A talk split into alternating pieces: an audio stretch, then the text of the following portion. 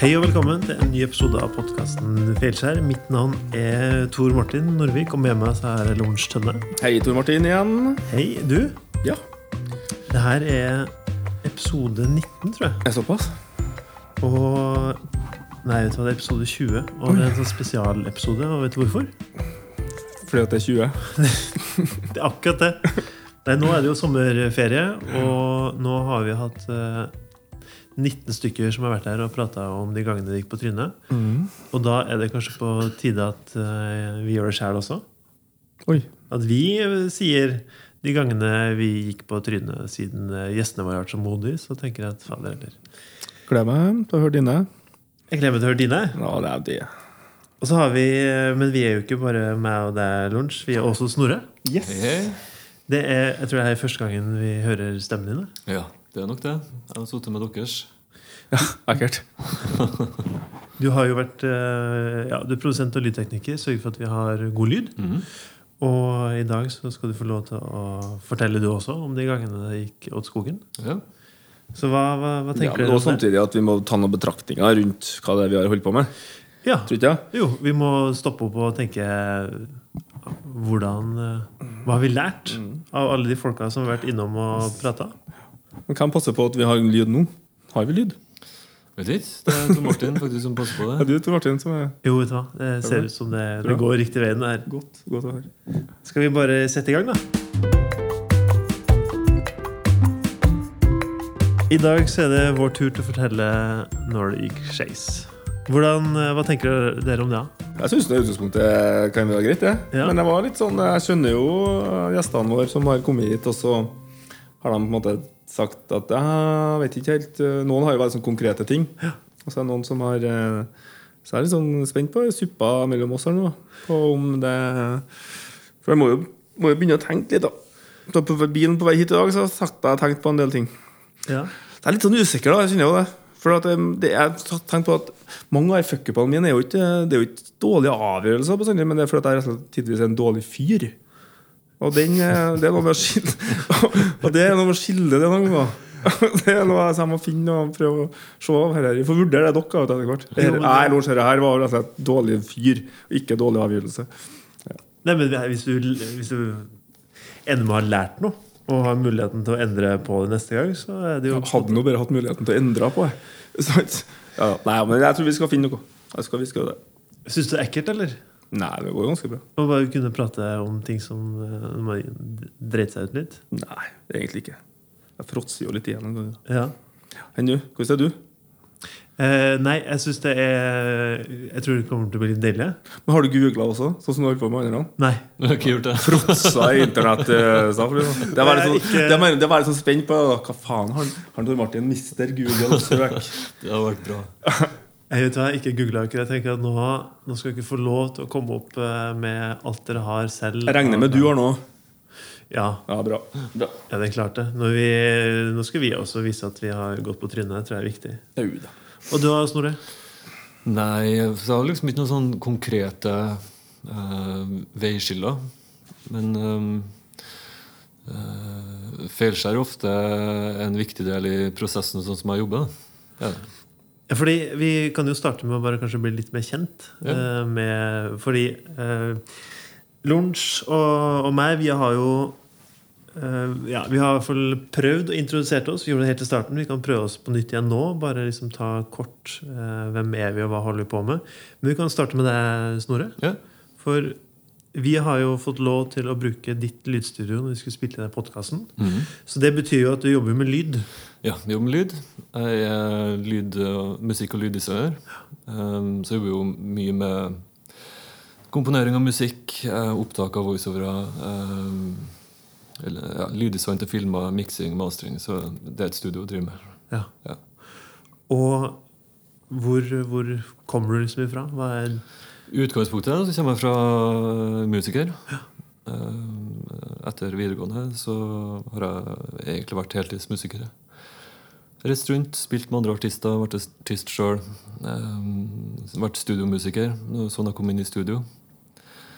Um, og så til at jeg tok ei utdanning innenfor musikkdesign. For å kunne lage Eh, Musikk og lyddesign til reklame og eh, film og Hvor du tok det an? Kreative fagskolen? Ja, det gjorde jeg. Hvorfor ville du være med på denne podkasten Fjellskjæra? Altså det å produsere den? Uh, nei, fordi jeg syns podkast er spennende. Jeg, er en, eh, jeg liker å høre på det sjøl. Mye fordi at jeg får til å gjøre eh, andre ting samtidig som jeg lærer å lytte. Hva du sier nå? At du sitter og hører på oss, og så gjør du andre jobber samtidig som du I studio, ja. Fy faen, ja, hvor man er vi har. Han har ikke hørt en episode. Har ikke hørt noen ting spiller Feilskjær? Feilskjær, ja. Det handler jo aner ikke. Jeg har lagt til noe. Altså. Ja. Ja, du har lunsj. Hvem er, hvem er du egentlig? Nei, han podkastfyren som en snorre lydmann vår ikke hører på. Han du gjør andre ting. Nei, hva med gjøre, Lunsj? Det er opprinnelig fra Jeg vet ikke hvor, mye skal vi Opprinnelig fra Mære. Forstad til Steinkjer. Uh, ja, rota meg inn i uh, eh, reklamekommunikasjonbransjen for 20 år siden, sikkert snart nå. Nei, 20, nei. Jeg flytta til Trondheim fordi jeg skulle bli daglig leder for Heimdal håndballklubb. Og det var kanskje litt sånn fuck-up, egentlig. Og de hadde 1,4 millioner gjeld, tror jeg, så vi holdt på med gjeldssanering. Så det var, hadde jo ikke jeg noen erfaring med. Så det var jo, og en del av å holde med gjeldssanering på det var, da må jo alle vi skylde penger, må si nei til 90 av gjelda. Hvis én sier nei til å slette 90 av gjelda, så så detter hele avtalen. Og jeg var jo sjøl, som lønnsmottaker, en av eh, kreditorene. Så jeg måtte jo si 90%, nei til 90% av lønna mi for det å gjøre gjeldssaneringa. Hvordan, hvordan takker man ja til en sånn jobb? Nei, jeg visste jo ikke jeg, det var så mye gjeld når jeg takka ja. Synes det var stas. jeg. Enkel kar fra Mære. Så var spørsmål om jeg kunne komme til Trondheim og være daglig leder i, til, til Heimdal håndballklubb. Ja. Topp fire i De var jo topp fire i Eliteserien. Så da jeg på, skulle jeg studere, ta opp fag på sonene. Så, Så jeg levde på studielån og stipend. Ut, jeg var sju timer til sammen tror jeg, på sonans det året, og så var jeg bare i Nidarøhallen og holdt med gjeldssanering. så det var det. Nei, det var et spennende år, det. Men vi berga nå klubben, men den dunka noen år etterpå. Ja. Så det var litt årstid. Ja, og så, mens jeg rota gjennom inni her, salg og kommunikasjon og reklame og sånn, så jeg jobba i Trondheim mange år. Forskjellige byrå. Var vel innom Var innom Eniro en periode. Jeg starta her med salg på gule sider, faktisk. Sånn på slump egentlig havna der. og ble der en stund. Og så Big Mouth Media, som i dag Her som heter LBI til slutt, da, som ble kutta ut. Solgt, eller lagt ned avdelinga for noen år tilbake nå. Klapp Media, Utbrudd. Eh, og så har jeg jobba mye tett med Uredd mange år. Ja. Og så for eh, fire år tilbake så flytta jeg plutselig til Nord-Trøndelag. Og der bor jeg nå sammen med min sønn Kåre. På Inderøya. På Inderøya. Ja. På Kjertnesvågen. var jeg Alenefar utpå der. Så lå det at det siste som sto hvis det sånn, Hva drømmer du om å bli når du blir stor? Så var det alene, alenefar på Kjertnesvågen. Det var desidert det siste, tror jeg. Stille og rolig. ja, det var Det er ikke akkurat var ikke akkurat gutterommet, nei, men vi har det fint. Har det fint. Så får vi se. Ja. Og nå så, ja. Robotklipper og Robotklipper. Det var som var helt riktig, som var Sigrid Tusvik sa. Det at, uh, sa jo det i denne podkasten at uh, når de ordner seg robotklippere, for, forholdene så er starten på slutten på forholdet. Og det var helt riktig. Det var det som skjedde til meg. Kjøpte robotplanklipper, og der ble det skjærings i forholdet. Funker det? Funker ja? Ja. Det funka jo til. den skulle ikke da. Klippe unna. ja, nei, jeg er 30, 40 år. Men hvorfor takka du ja til å være med på det her, da? Jeg husker jeg spurte jeg, vi hadde, jeg lurer på om det var julebordet til Uredd, hvor jeg bare så når du hadde et ledig øyeblikk, så spurte jeg du lunsj. Har du lyst til å være med på en podkast som heter eh, Fuckups? Jeg var på julebordet, ja. Jeg lurer på om det var julebordet.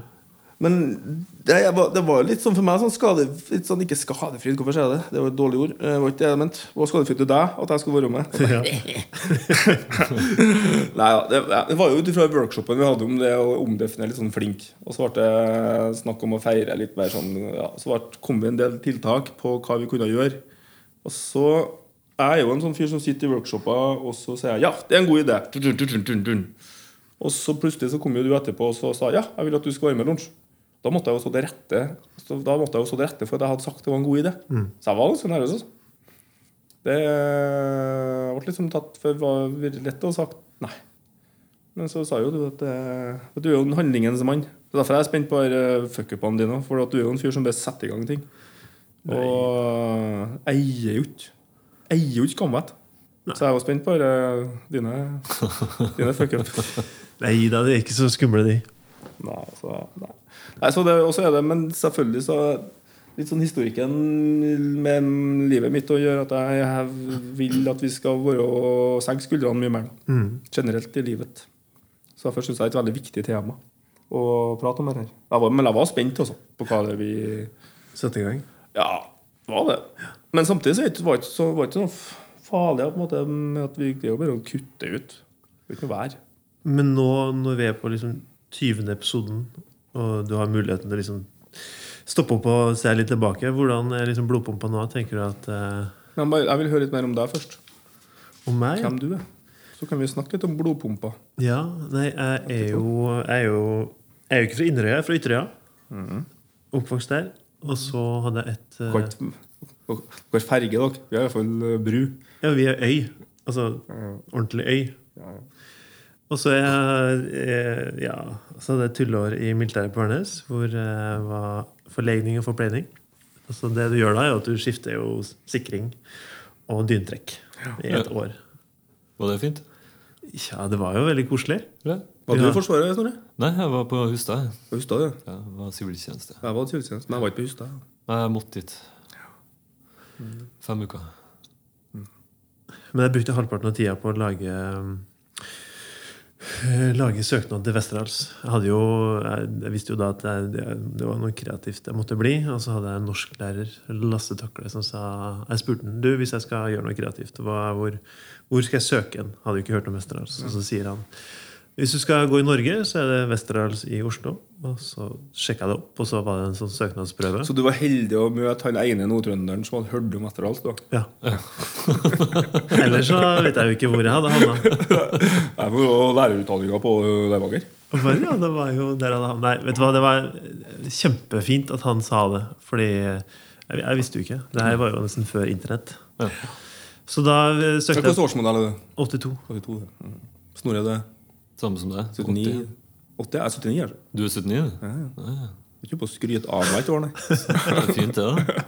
Men eh, jeg gikk et år eh, Jeg gikk i, med 79-årene. Riktig. Ja. Ah, ok, ja, for jeg gikk med 80. jeg- Nei, jeg vet ikke. Jeg vet ikke. Og så gikk jeg fra militæret, og så flytta jeg derfra til Oslo og begynte på Westerdals. Gikk der i tre år. Og så siste året på Westerdals så skal man ut i arbeidserfaring. Så da hadde jeg én jobb i Fredrikstad hos Tiger Studio, og så hadde jeg også en annen jobb i Oslo på tilnærmet lik. Så da begynte jeg å jobbe, jobbe masse. Ja. og Tiger Studio var jo et produksjonsselskap. Gjorde en del ja, filma. Og så tilnærmet lik var et animasjonsselskap som jeg ble senere partner av. Og da, det var egentlig starten på min karriere. Så, og der det hele begynte, egentlig. Er det noe mer du lurer på? Nei. Er du fornøyd? Du har barn, du òg? Ja, jeg har en liten datter på fem år. Så vi bodde i Oslo vi, helt til vi fikk, eh, fikk henne. Og så er det et eller annet som skjer. At eh, du får en sånn Fader, nå må vi ha liksom, kanskje barnevakt og nærhet til familie. Og, og så er det jo at eh, vi har jo en del familie på, i Trondheim. Og så har vi besteforeldre, og så har vi bondegård. Og, men vi har jo det i Oslo også, så, men vi havna jo uansett på å prøve Trøndelag. Bra. Så der pendla jeg jo mellom Oslo og Trøndelag i to år, før jeg fant en Du ble jobb. to år? Faen, gjorde du? Ja, jeg fløy opp og ned. Før... Mandag, mandag og fredag-pendling? Nei da, jeg fløy ned på tirsdager og tilbake på onsdager. Så det var to dager ned i Oslo og tre dager hjemmekontor. Ja, du jobba hjemme. Så det var, det var greit, eh, men veldig greit at jeg også fikk en jobb her i Trondheim. Fordi det var jo slitsomt. Du, får får aldri noen rutine på det, og det hjemme også. Plutselig er du borte i to dager, og det, det er jo ikke Kjenner igjen den. Jeg har hatt den dealen jeg òg. Men, Ja. men selv om det ikke er fly, men Trondheim Inderøya ja, det føles jo ut som Som det er nært, så er to forskjellige verdener. Du har barn, Snorre. Jeg har det. På tidspunktet her Når blir sluppet episoden her, da? Det her blir i uh, sommerferien. Har du to eller tre barn da? Da har jeg to fortsatt. Jeg håper, jeg håper den kommer når den skal gjøre den. Når er terminen? 4. august. Ja. Nei, da ja, har den ikke kommet ennå. Men det her er jo eh, om fuckups. Så lunsj. Har du lyst til å fortelle? Oi. Alle fuckupsene kommer jo Apropos, alle fuckupsene kommer jo noe bra ut av dem. Jeg har jo eksempel fått et barn ut av en. Ja. Ja, tulla. Hun Vi hørte ikke UX-en, sikkert. Jeg vet ikke. Får ikke høre episoden her. Nei da. Uh, nei, hvor skal vi begynne da? Kan du huske det første? Som profesjonelle husker, ja, En som var sånn konkret, bitte, li- egentlig sånn liten en. Ja. Men det var, var Det var Jeg jobba jo som altså, historik, ja, Historien der er jo at jeg, jeg har flytta til ja, Lang historie, ja, men flytta til Trondheim ja, som sagt, for å lede dere Hemdal Heimaklubb. Og det var nå en eh, suppe i seg sjøl, det. Men interessant. Og så, etter et års tid, så var jeg litt sånn, hadde jeg fått tilbud om å jobbe med sånn, jeg tror jeg var avdelingsleder på noen sånn avlastningshjem for eh, autister på Steinkjer. Så jeg var egentlig på vei tilbake. Etter et års tid. Jeg vet ikke hvorfor helt. Jeg trivdes med Trondheim òg, men så møtte jeg Berthe, som jeg ble kjæreste med. Og det gjorde at jeg faen, jeg har lyst til å være i Trondheim. Og så, helt på slump, da, som veldig mange andre, vi da havna inni denne Eniros Findexa-verden og skulle selge som selger. Og jeg var jo ikke en selger i hele tatt, trodde jeg. Men telefonsalg, liksom? Ja, Og, var det. Eh, jeg var jo ikke det i det hele tatt, trodde jeg. Mente jeg. Og helt strutta imot meg. Men jeg hadde liksom, og dere tenkte jeg, en kompis av meg som jobber her og sa at det tar et år her nå, liksom, så mange. Så gjorde jeg. Og det er jo veldig sånn god til selgerskole og sånn kursing og, og salgsmal og salgspressamtaler og sånn. Og så har vi sånn liste der hvor vi skulle ringe da, og selge. da. Og så fikk jeg da et, på et begravelsesbyrå i Molde i Kristiansund som jeg hadde kjørt da, helt sånn perfekt salgssamtale på. Og coachen satt på sida. Helt perfekt. Og så var vi fem forskjellige sånne pakker vi skulle selge. Så jeg da klarte å selge på da, eh, det begravelsesbyrået. da den nest dyreste pakken kosta 32 500 kroner. hvis jeg var akkurat på tida, og nest dyreste som gule sider internett hadde på den tida. der. Og, så, og helt stor jubel. Og så når jeg var ferdig med samtalen og skulle sende kontrakt, så viste det seg at jeg hadde ringt feil. så det begravelsesbyrået som jeg sendte kontrakten til, var jo kon konkurrenten til dem jeg hadde solgt til, egentlig. Så da var telefonen tilbake. Hva i helvete det de har fått for noe her? Så viste det seg jeg måtte jo finne opp det. Men jeg hadde ikke pratet, hadde, dem jeg hadde trodd jeg prata med, hadde jeg jo aldri prata med. Så jeg måtte begynne å finne ut hvem i all verden er det jeg prata med her nå. Ja, så det husker jeg på. Så det var, det var en sånn, det husker jeg alle på. Sånn. Bare sånn, bare, hva faen har jeg rota til nå, liksom? Ja. Men men fant, en fant, du de du hadde prata med? ja, jeg fant jo det. Det var konkurrenten deres. Og så, ja, ja. Så det ble, jeg fant det ut til slutt. Det var bare. Men det var sånn underlig å ha trodd at du har snakka med noen, og så viste det seg at det var noen helt annet. Så, for jeg hadde gjort research. Jeg hadde gjort, altså Grunnarbeidet jeg gjort, var jo på feil kunde. Ja. Så jeg solgte rett og slett til feil kunde. Så det var interessant, interessant sagt. det. Men utover det, så ja. Så, men jeg har ikke noe sånn eh, Jeg har jo Jeg har jo Ja, Du oh. får lov til å tenke eh, på det neste. Du kan Ja. håpe til Snorre. ja. Du må gå på rundgang. Ja, kanskje det. Ta sånne, små, ta sånne små, ja. For eh, vi, før vi slo på mikrofonen, så sa jo egentlig Snorre at han har jo aldri gjort noe feil. Egentlig. Ingen store feilskjær. Men eh, hvis vi Vi skal jo prøve å grave litt, da. Og Ja, se hva vi kan finne. Fordi at du, du må fortelle en historie med rett etter eh, videregående, hvor du dro ut i arbeid og skulle jobbe med noe madrass. Hva var det for noe? Det var imellom noen spilleturneer så måtte jeg ha med noen jobber. Så da jeg på fikk jeg jobb Eller det var jo via vikarbyrå. Da ble det jo sendt, Du aner jo ikke helt hvor det ble sendt. Så jeg ble sendt til en madrassfabrikk. Trenger ikke å si hvor, kanskje. Men um, Hvor mange er jeg egentlig? Hvor mange madrassfabrikker er det? jeg vet ikke. Kanskje det er Brein? Kanskje det? Da er det bare å google. Google madrassfabrikk. Så jobben min altså det, det er jo fabrikk, da, så da står det jo langs et sånt uh, samlebånd. Uh, og da var det Det jeg skulle gjøre, jeg skulle stifte rundt uh, stoffet på madrassen. Og hver gang jeg løfta en madrass så, og la den på båndet, så fikk jeg støt. Et sånn skikkelig sånn ekkelt støt. og det var ganske mange madrasser da jeg skulle fikse i løpet av en dag, så var det så sinnssykt mye støt.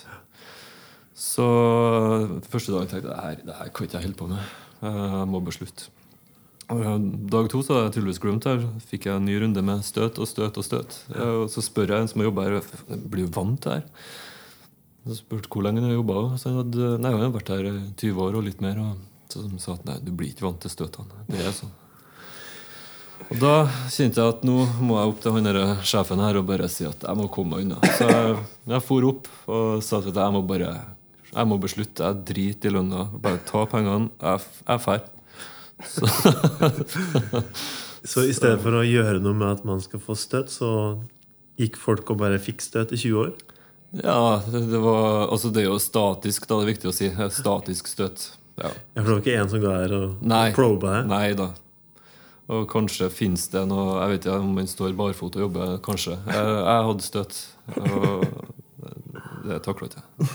Jeg får jo støt hver gang jeg går ut av bilen. Jeg har sånn Leaf, og hver gang jeg skal liksom låse den, så får jeg støtt. Gjør det? Og det er utrolig irriterende, for jeg blir så nervøs hver gang jeg skal låse bilen. Ja. Og så går jeg og venter på det. Ja.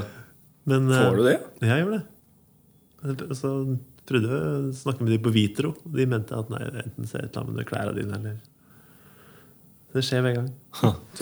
Men uh, du sier jo at du har ingen store fjellskjær. Og da blir jeg veldig sånn nysgjerrig på mm. Eh, Betyr det at du har vært litt sånn, litt sånn trygghetssøkende? Nei. Uh, jeg, nei, det har jeg ikke vært. Uh, for min del så tror jeg at jeg kan uh, lære meg det meste, og veldig fort. Ja. du er bare smartere enn oss, oss to. Mælorns så er du det smarteste. Han nikker. Men ja. de store risikoene har jeg kanskje ikke hoppa på. Det var heller at jeg ser et mål og jobber opp imot det målet. Mm. Eh, og deler opp det målet i flere konkrete ting som jeg skal gjennom. For Vi har jo hatt flere gjester som måte, har opplevd feilskjær som har liksom endra litt sånn kursen i livet deres. da ja. Men der har ikke du vært? Nei, jeg har eh, Nei. Ikke sånn at det har vært noe sånn eh, Men jeg har alltid satt uh, hårete mål som jeg har eh, jobba opp imot og nådd. Ja. Så det har egentlig vært Og når jeg har nådd dem, så må jeg gjøre noe annet. Ja. Men du har, du har jo sagt at når du jobber som musiker og lydtekniker, så er jo det og liksom de her små feilskjærene en del av prosessen. I det kreative så er det viktig med feilskjær altså i prosessen for å kunne mer komme dit uh, og yte ditt absolutt beste, som er resultatet. Mm. Uh, ja. Så feilskjær ser du jo masse av uh, i prosessene. fordi ja, det, det er kreativt. Sånn er det. Mm. Ja, men da er det jo vært skåna for ganske mye, da. Sånn av de her liksom, de verste, verste dagene. For da, betyr det at da har du ingen sånn ordentlig kjipe dager? Mange kjipe dager.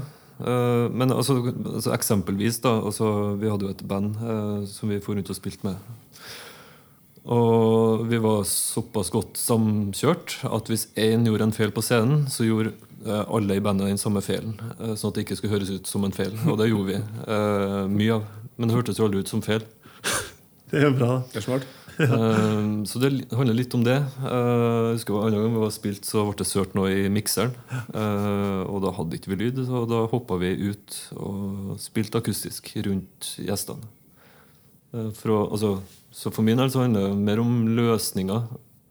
så derfor jeg tenker at jeg har de helt store feilskjærene. Fordi jeg løser dem. Fin, fin evne å ha det. Da er du ganske impulsiv, da. Ja, jeg vet jo ikke om det sjøl, men uh, man uh, blir ganske impulsiv uh, i problem, altså problemløsning, egentlig. Ja, ja. Mm. ja For da, da, har du ikke vært i den situasjonen hvor det har kommet til feilskjær som bare du faktisk ikke evner å løse? Nei, for det fins alltid ei løsning. eh, uansett hvor ille det egentlig er. Jeg løser utrolig mye ting i søvne. Så hvis jeg legger meg med et problem, så våkner jeg opp med ei løsning. Du får sove, også, med et problem. Ja, altså Jeg har alltid vært god til å legge fra meg ting ikke jeg får gjort noe med. Og da våkner jeg opp med en fin løsning på det. Lurt. Det er lurt. Det er noe å ta med oss. Ja. Men du, jeg skjønner jo at du har hatt noen uh, brølere her. Mannen uten skam. Jeg har, jeg har jo masse, masse skam. Men uh, det første, første skjedde Første feilskjæret er Det har sikkert flere. Er i, jeg jobba i Tilnærmet lik. For der var vi tre stykker som var partnere og jobba med animasjon i Oslo. Og syntes jo det var kjempegøy. Og jobba med liksom mange av de største byråene og leverte bra ting. Og så er det noe med det at eh, jeg var litt nerd og opptatt av liksom verktøy. Det var veldig gøy å lære seg nytt hele tida. Brukte fryktelig mye tid på å se tutorials og finne ut av hva er som det neste kule for å være oppdatert. Og da var det et program som het for Nuke, eh, og det brukes, det brukes på en måte av storindustrien i Hollywood. Ikke et spill. ikke et spill, nei. Ikke Nuke, et sånt juk. ja. Duke Nuken 3D. Riktig. Det var Det var et spill. ja, riktig, det var det. Nei, det her var et eh, Du kjente Photoshop? Ja. ja det her var egentlig eh, Photoshop for film. Selvfølgelig, Tor Martin. Gjør det?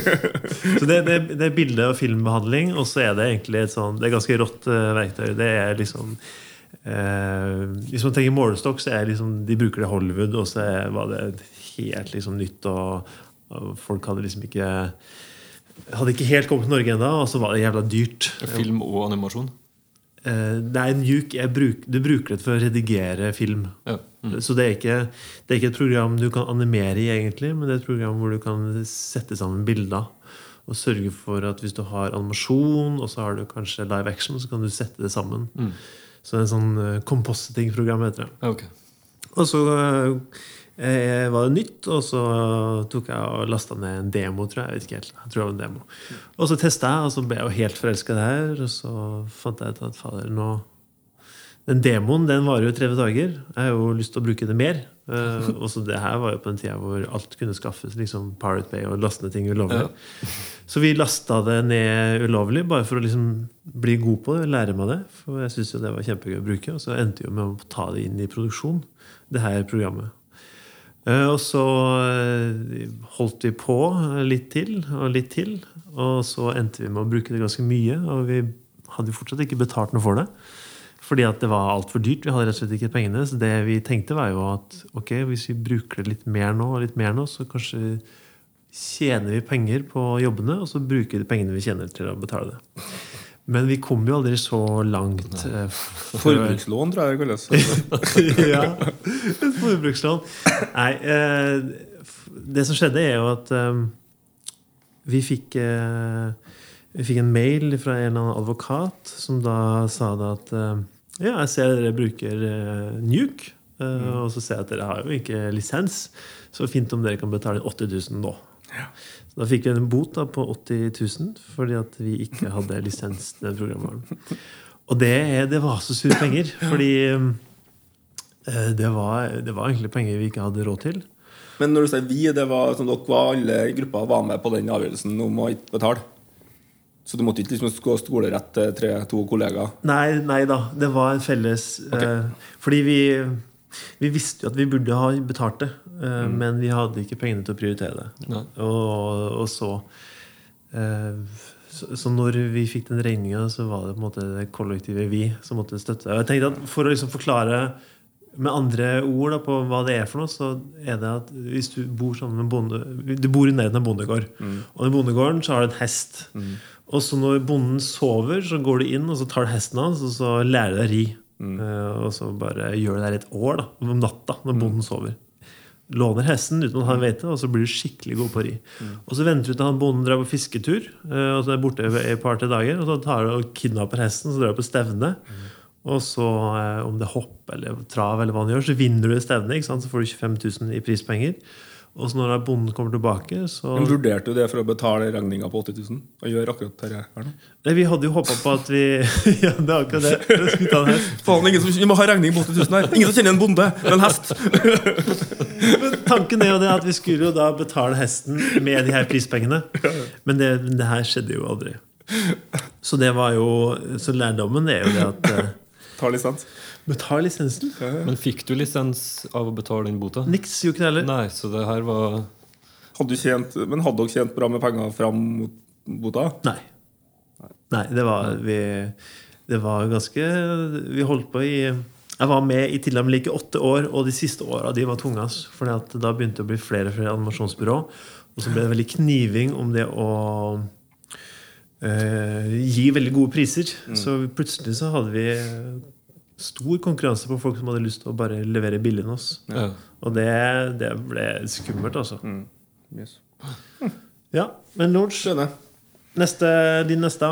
Du, jeg har tenkt på det. Det er en litt sånn uh, Det er kanskje ikke så konkret, men det, no, det, har vært, det har vært litt sånn livsdefinerende for meg. Men ikke sånn fordi at det var en, Ikke for at det var en sånn smell der og da, men konsekvensene av det over tid.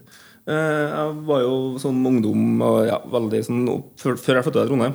Så mens da jeg var 19-20 ja, diverse. Så var jeg veldig sånn aktiv i det her eh, flink, eh, vi flinke ungdommene i sånn pol- halvpolitiske organisasjoner og fylkeskommune. Og jeg var jo ja, jeg var en fyr, jeg hadde jo 19 verv, tror jeg, Når jeg var 19 år. Jeg satt, og gjorde ikke noe å sitte i styre, styrer rundt omkring. Og da var det en av tingene som jeg kjempa for, var at vi skulle samle eh, alle sånn ungdomsmiljøene på Steinkjer i et sånn kraftfullt sånn eh, kulturhus. Vi skulle liksom få ungdommens hus. Sånn, sånn. Og alle planene og tankene og var fantastiske. Og, sånn, sånn.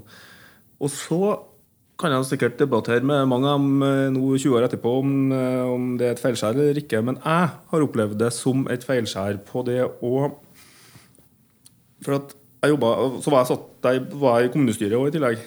Så jeg jobba veldig for at vi skulle få til det her kultur, så skikkelig ungdommens hus på Kulturhuset.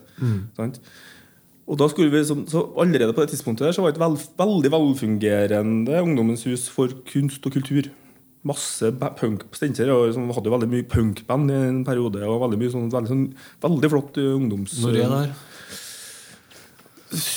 Det var jo veldig sånn, eh, aktivt der huset på Steinkjer for 25 år siden. Altså i 96-7 Ja, for tenker, I Namsos hadde jo lagre. Ja, ja. litt det samme, ja.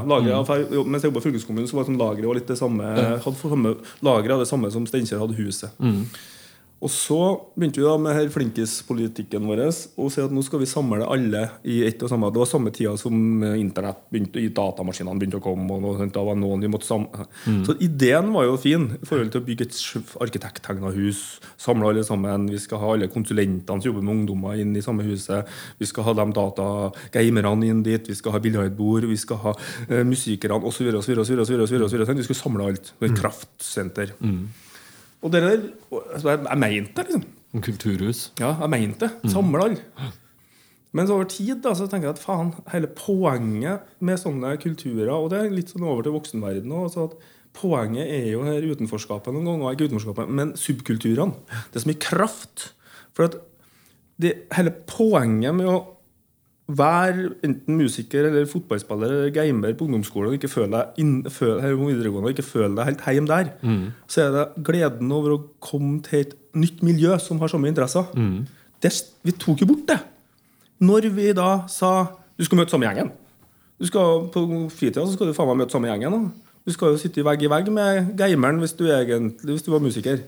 For at det er synergier, vet du. synergier mellom fotballspillere og biljardere. Og sånn og sånn, sånn og sånn. Så til slutt så bare blir jeg identitetsløs. da.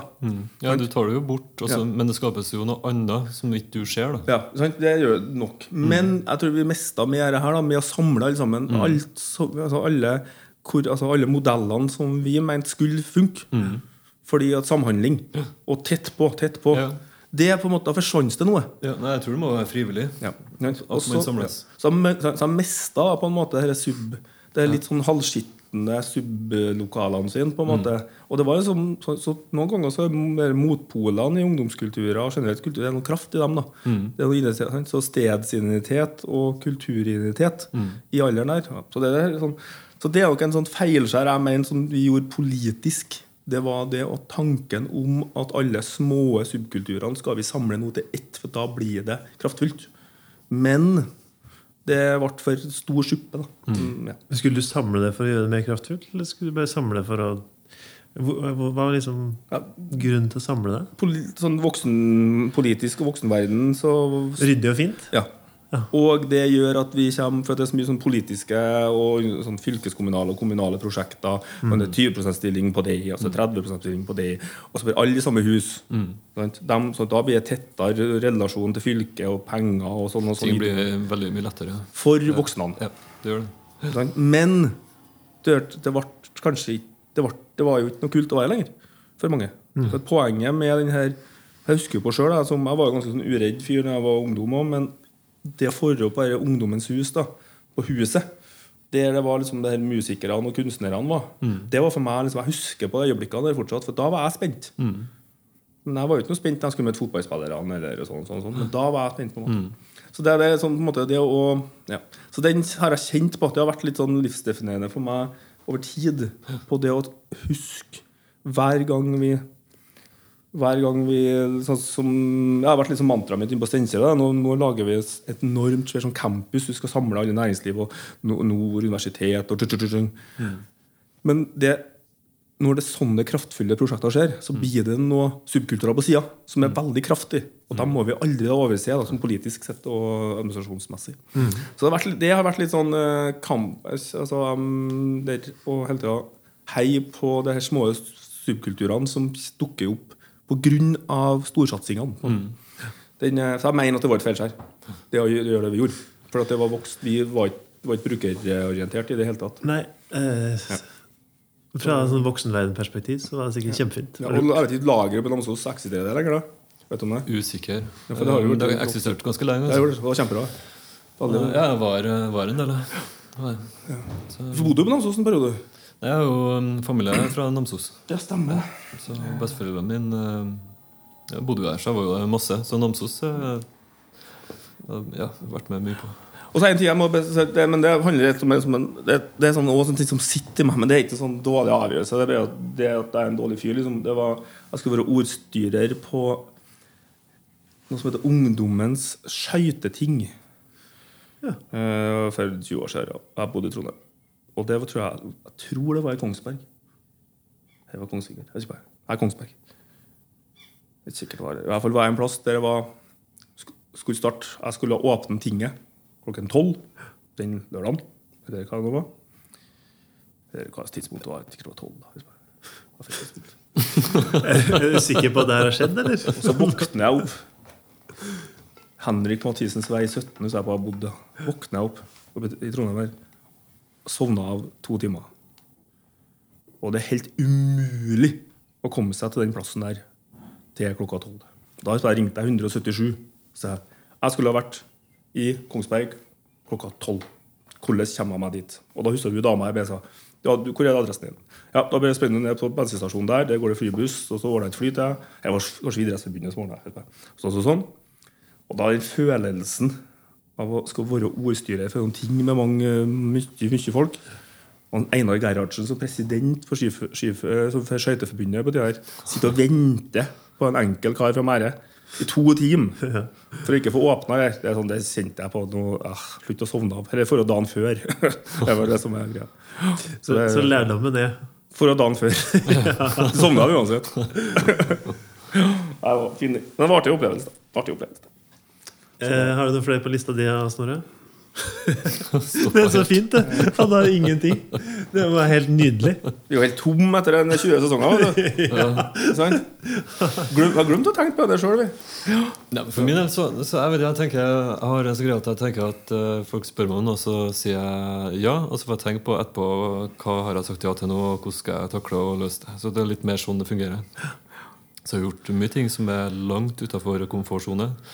Eh, Men jeg måtte jeg gjennomføre dem. Ja. Men det er jo en god bro til eh, min neste Og det er når jeg, jeg slutta jo i Tilnærmet lik eh, og begynte i Skjerven. Og grunnen til det var jo fordi at på slutten av Tilnærmet lik så ble det vanskelig å drive business. Vi jobba fryktelig mange timer og fikk nok ikke så godt betalt. Og så fikk jeg jo ei datter, og da ble det litt sånn skummelt egentlig å, å være der, selv om elska jobben, syntes det var kjempegøy. Så var det litt sånn Ok, vi får ikke lønn, nei. Og nei, det, det og, Eller vi vet ikke når vi får lønn. Mm. Og de jeg jobba med, var utrolig kule. At eh, Hvis det var noen som fikk lønn først, så var det jeg. Så det var jo kjempe, kjempefint av de. Men så var det jo en som skulle ut i pappapermisjon på Skjeven reklame. Og så lurte han på om jeg kunne steppe inn i de tre månedene hvor han skulle bort. Og da kommer jeg jo dit, da. Og ender med at jeg får lønn fra de hver måned. tenker, lønn hver måned, Det var helt vilt. Faen, så kult. Og så var det jo et fint miljø, og så den kantina. Varm mat hver dag. Og skjerven var liksom 200 stykker. da. De kjente jo fryktelig mye. Og det var masse som skjedde. ikke sant? Så går jeg fra et sted hvor vi var tre stykker, til det var rolig, så kom jeg inn liksom i en sånn svær bedrift og tenkte oi, det her var, det her var ryddig og struktur. og Det her likte jeg veldig godt. Så når de tre månedene var over, så fikk jeg egentlig muligheten til å fortsette. da. De ville at jeg skulle fortsette der. Så snakka jeg med de på Tilnærmet lik, og så ble vi enige om at ja, da avslutter jeg på en måte mitt eh, forhold i Tilnærmet lik. Og så betalte jeg en bota på 80 000, da. Og så, så dro jeg videre til Skjerven. Og der eh, ble jeg kreativ leder. Og eh, så langt så, så fint. Og så jobba jeg litt eh, der med masse flinke folk. Og så eh, kjenner jeg at der plutselig så begynte jeg å få fryktelig mye ansvar. Fordi hva er egentlig en kreativ leder? Som regel så er det at da har du et faglig ansvar. Og overfor dine ansatte, men også for kundene, at når du skal levere, så skal du levere på, på et høyt nivå. Og så skal du sørge for at eh, dine, dine kollegaer, de som du på en måte skal lede, at de får bli utfordra. Altså når de skal gjøre noe, de må få lov til å vokse. Sørge for at de får liksom nok utfordringer, og at de leverer bra. Og det var fint. Det var jeg med på. det kan jeg gjerne være. Men så i tillegg til det fikk jeg jo personellansvaret, altså om miljø og at de har det bra, trivsel. Og så fikk jeg altså lønnsansvaret. Og da bare Herregud, vet de folka hva de holder på med? Og det var, så det var et stort feilskjær. Det var idiotisk av de å gi meg det ansvaret, og så var det helt idiotisk av meg å si ja takk. Da burde jeg jo ha skjønt at ja, men det kan jeg jo ingenting om. Eh, Men så er det litt sånn eager to please. ikke sant? Bare, vet du hva, Om ikke jeg kan det nå, så kan jeg helt sikkert lære meg det. Ja. Men greia er at, Og det er jo mulig å lære seg det, men så plutselig så dukka opp, det dukket opp et par bestillinger. da. Det ene var det at eh, jeg ser at noen av avdelinga di ikke har dekka timene sine. Så de er ikke fakturerbare. Det må du gjøre noe med. Bare, ja, hva, hva gjør vi med det? Nei, det Enten så må du sørge for at vedkommende har jobb, eller så må du sørge for at vedkommende må forlate. Altså permittere eller gi sparken. Og Bare, ja, ja, ok. Det var jo spesielt. Og det som var enda mer spesielt, at vedkommende var snakk om, var en, var en veldig god venn av meg. Så eh, det, det ender med at jeg får jo ansvaret å egentlig eh, permittere han, eller prøve å gi han sparken, rett og slett.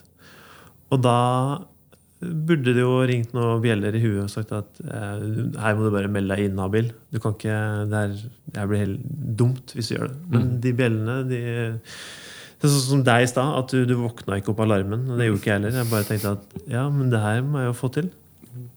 Og så ender det jo med at eh, det blir en fryktelig rotete prosess. fordi hvis du skal eh, Hvis folk skal miste jobben de er, Folk er ekstremt godt sikra i jobben sin, fant jeg ut. Så du skal jo ha god dokumentasjon, og så skal vedkommende ganske tidlig få vite at vet du hva, nå er det du har dessverre ikke nok å gjøre her. Vi har ikke bruk for det. Så du skal dokumentere det, og så må vedkommende få mulighet til å endre på det. Men det var ingen som sa til meg før jeg satte i gang.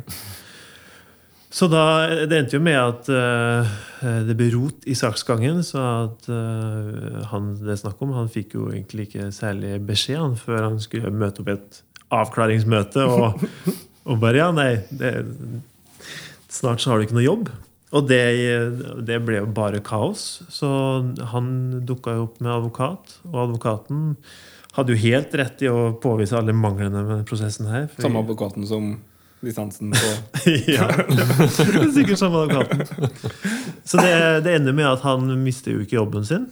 som var egentlig helt riktig. Men det vi gjør, vi oppretter en ny stilling til som eh, passa han bedre i forhold til hva skjerven eller da vi hadde behov for. Så etter eh, på klokskapen så ser jeg da at eh, det var jævla synd at jeg tok på meg det oppdraget og skulle liksom gi han fyken. Fordi eh, jeg ante jo ikke hva jeg holdt på med. Og, så, men, og det var jo det var, det var, det var det kjipe med å få på en måte et personalansvar. Fordelen med å få det er at jeg ga jo en kar lønnsøkning på 40 000. Oi, gøy. Fordi at jeg visste ikke han hadde lønn. Jeg, tror, jeg tok jo feil. Jeg skulle egentlig bare gi en 20, og så fikk jeg en 40 ekstra. Og så fant jeg ut at når du har sagt det i et møte, så, er det, så kan du ikke gjøre noe på det. Nei. Så han, for han sa det kjempefint. Ja. Han, han, han, gikk jo, han gikk jo 40 000 på et år. Ja. Og for meg var det ikke så gøy, for da de her eh, mine sjefer de bare Ja, du gjorde det, ja. Ja, Fint. Flink han, ja. Så nei, sånn kan det gå. Han er bra i dag, i dag. Ja, nei, han eh, tror jeg er fint, ja. Ja, du har lunsj. Har du noe mer på lista di? Ja, ja, ja da. Hvor skal begynne egentlig? Eller, ja, men før vi skal prate litt sånn videre om Men ja, jeg har jo en eh, Men det er noen sånn vi skal, Jeg håper vi skal ta en egen podkast med noen av dem som er involvert i prosessen her. Og når jeg flytta til Nord-Trøndelag, så starta vi opp et selskap i Nord-Trøndelag som heter Ofag. Ja. Eh, fungerte som fan. Veldig bra. Eh, vi var Karianne Kvarving og Jo Kristian Kvernland og Alexander Kjølstad og. Eh, kjørte på, og så drev jeg veldig godt i et halvt års tid. Og så eh, Ettertid så var jo et feilskjær. på en måte Så lot vi oss bli kjøpt av Trønderavisa. Og det var nok en sånn, eh, for litt sånn feilvurdering da, eh, av, eh, fra, spesielt eh, fra meg oppi alt det der i forhold til eh, og, Men det er kanskje litt sånn i forhold til risiko at det var Det som skulle ha holdt det kjøpet, handelen, unna, var jo det som gjorde det, var jo det som gjorde det så spennende også. Det at det var en bransje som er på vei ned. Altså det, uh, media han sa, har jo på en måte aldri tenkt tanken engang at jeg skulle jobbe i avis- og mediebransjen.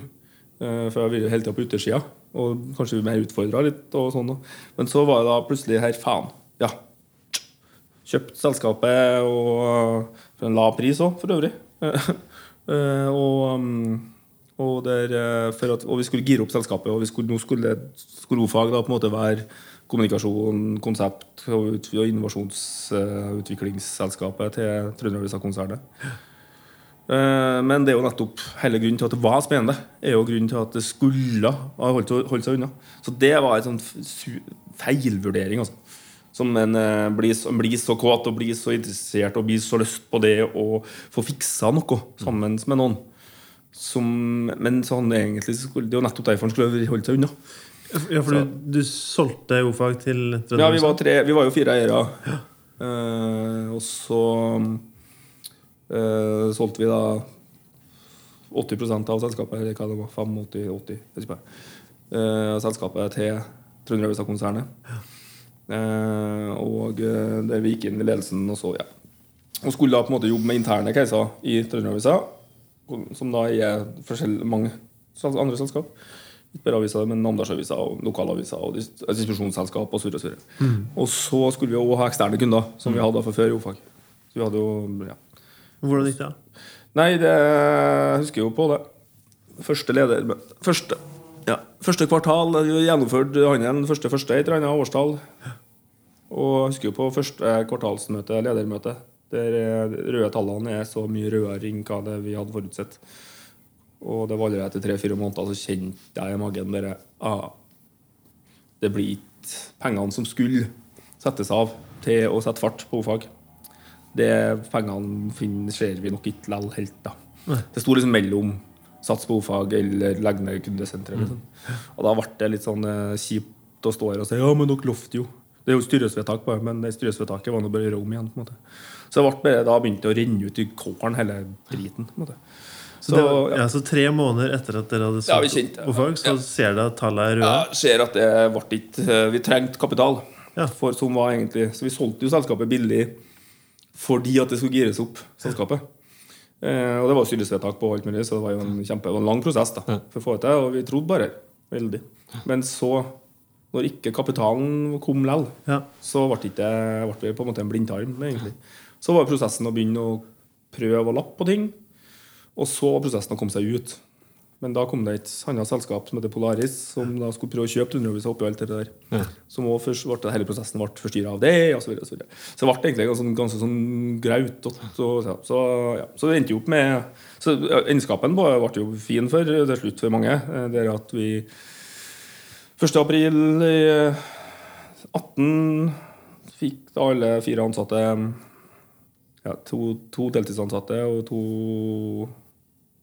Tre, dels, det er to deltidsansatte, tre deltidsansatte og en fulltid som fikk gå på dagen, ta med seg kundene på dagen, og så ble jeg igjen i karantenetid da, i fire-fem måneder. Ja.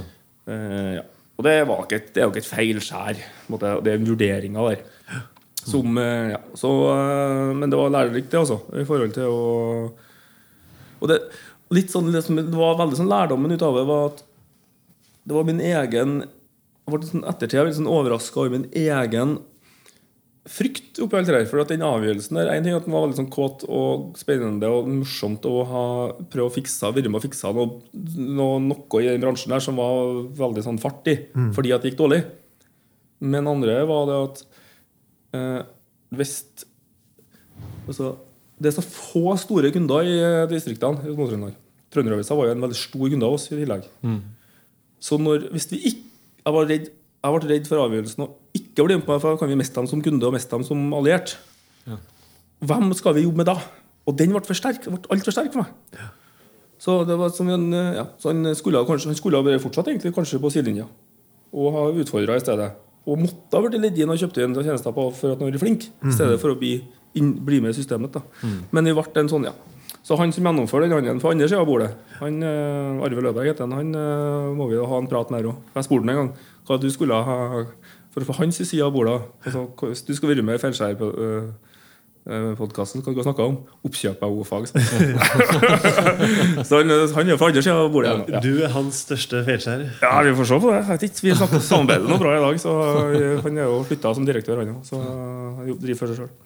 Så det, ja. Men det var en ganske eh, ja, Og den, eh, jeg sitter i den Jeg, sitter litt i den fuckupen ennå. Jeg har liksom ikke kommet meg helt etter den heller, for den, den, ja, den påvirka meg veldig. Også. Men hvorfor er det så vanskelig å slippe den, da? Det var et godt spørsmål, egentlig. Det er mm, Vi skapte vi skapt noe med den gjengen der som var helt nytt annerledes i Nord-Trøndelag. Veldig stolt over det. Omsatt bra, og vi var, gjorde veldig mye bra. Og som gründere tok oss ut OK lønn eh, fra, som, fra dag én, egentlig. Mm. Hadde sånn god vilje. Så ble det veldig mye oppmerksomhet på oss, så den casen der fikk ganske mye oppmerksomhet. Og så um, Og jeg, um, jeg har på en måte ikke visst helt hva jeg skulle gjort siden. Og så uh, ble det liksom holdt på vi sette i gang nytt, så var jeg på vei til å sette i gang nytt selskap. Men så hadde jeg et samlivsbrudd oppi alt det der. Uh, som gjorde at det ble, egentlig ble, ble forlenga. Så jeg kan ikke si at det jeg er i nå, er pga. den fuckupen der, men det ble en sånn rekke av ting som gjorde at ja. Og så, men så kom jo Uredd uh, på banen, og på en måte har, så har jeg jo hatt jobba tett med dem. Eh, sånn, og vi skal prøve å få modellert opp noe sammen i Nord-Trøndelag. Eh, eller norddelen av Trøndelag. Sånn, ja. men, den, eh, men det er nok en sånn litt sånn Både litt sånn eh, skam over at den fuckupen var òg. For at jeg har vært redd for at jeg skal holde på å si at det er andre som er teit. Det gjorde jeg litt i starten òg. For når folk så spurte om hvorfor Ja, hør. Mm. Så det var noen som sa til meg faktisk, at du må passe på noe. Husk på at du er Nord-Trøndelag. Og det folk kjenner hverandre, så pass på hva du sier. Men husk at jeg tok kjent på det. ja, folk må tøle sannheten her. For at det var sånn. på en måte. Det var noen som eh, noen, eh, noen gjorde noe mm, som ikke var kult mot oss, og vi gjorde noe som ikke var kult overfor noen andre. Men, eh, følelser inni det. ja, ekstremt mye følelser. Ja.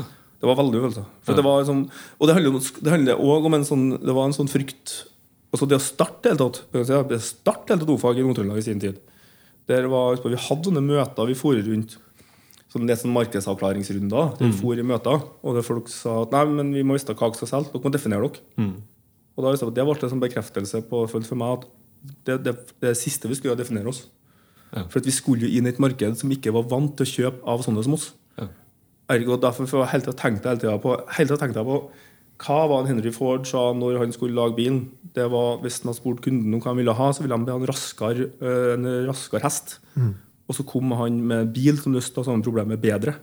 Og så på hver gang i markedsavklaringa som vi hadde møter før vi startet opp, når alle sammen sa at dere må spise dere, dere må vite, vi må vite mer hva vi skal kjøpe, så ble det mer og mer en bekreftelse på at det de egentlig forteller oss, er et behov. Men vi må finne løsninger. Vi må finne løsninger Andre enn hva spise oss. Så vi ble da innom, mer, ofte av dem så er jo mer flytende. ble vi. Og det gjorde at vi begynte å få telefoner inn, og spørsmålet er øh, Vet ikke helt hva dere gjør, vi, men kan dere hjelpe oss med det? Og det og det. Så vi hadde kanskje det enkleste å kalle oss oppi her, var PR-byrå. Men et PR-byrå i distriktene er noen som sender pressemeldinger. Men vi gjorde så mye annet. Sånn, ja. Altså kunne han komme med sine behov da, etter Ja, hvert? ja, ja. Mm. Så ble det bare en sånn flinkisgjeng som bare fiksa det meste, egentlig. Ja. Ja. Så, er litt sånn, så jeg kjenner jeg savner jo egentlig det miljøet. Savner gjengen. Og savner det å ha den rollen. Mm. Så, så, så arrangerte vi konserter, pop-up-restauranter og gjorde masse ting. Så vi hadde liksom filosofi på det at vi skal også arrange arrangement som vi skal, kan gå null på. Vi gikk i null på dem. Og det var kun arrangement som vi sjøl ville dra på. Ja.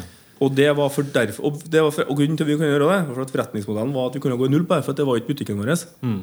Ergo vi kunne bare arrangere masse kule ting. For vi, skulle, for vi hadde ikke noe økonomisk press på oss. Nei. Fordi at vi arrangerte aldri noe som vi ikke ville være gjest på sjøl. Så det var og nesten alt involvert alkohol. Og vi måtte finne folk som kunne servere oss i tillegg. For dere skulle også drikke. Skal jeg love for vi skulle jo, Det var festen vi savna sjøl. Vi skulle Ja. arrangere. Ja.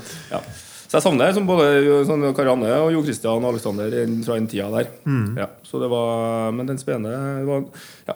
Så det hadde nok vært morsomt å se litt på igjen. da Men det, er sånn, ja. Så jeg sitter litt sånn inni den fortsatt. Det er noe uforløst der som jeg syns det ja. Så det var, Men lærdommen er å tørre å være på en måte litt sånn tilbake til det fuckupen jeg snakka om i stad, i forhold til å samle ting. Uh, der glapp jeg på akkurat den. Jeg glapp på det å være subkulturen. Fordi at det vil folk ha, selv om de ikke sier bestandig at de vil ha det. Vær det annerledes. For at da, ta, da får du gode venner, og du får lojale venner. Og vi hadde veldig lojale kunder. Mm. sånn, ja. Men Så det, det glappet ble vi med på storsystemet stor, til stedet. Så den, er- det, er en, det, er en, faktisk, det er en faktisk en reell fuckup. Som ikke jeg har prata så høyt om eh, som en fuckup før. Det Men nå, ja, nå erkjenner du det. Ja. Men det var helt gode, gode, gode runder da. Det er det som er litt sånn ekkelt å kjenne på, at det som en syns da, var riktig.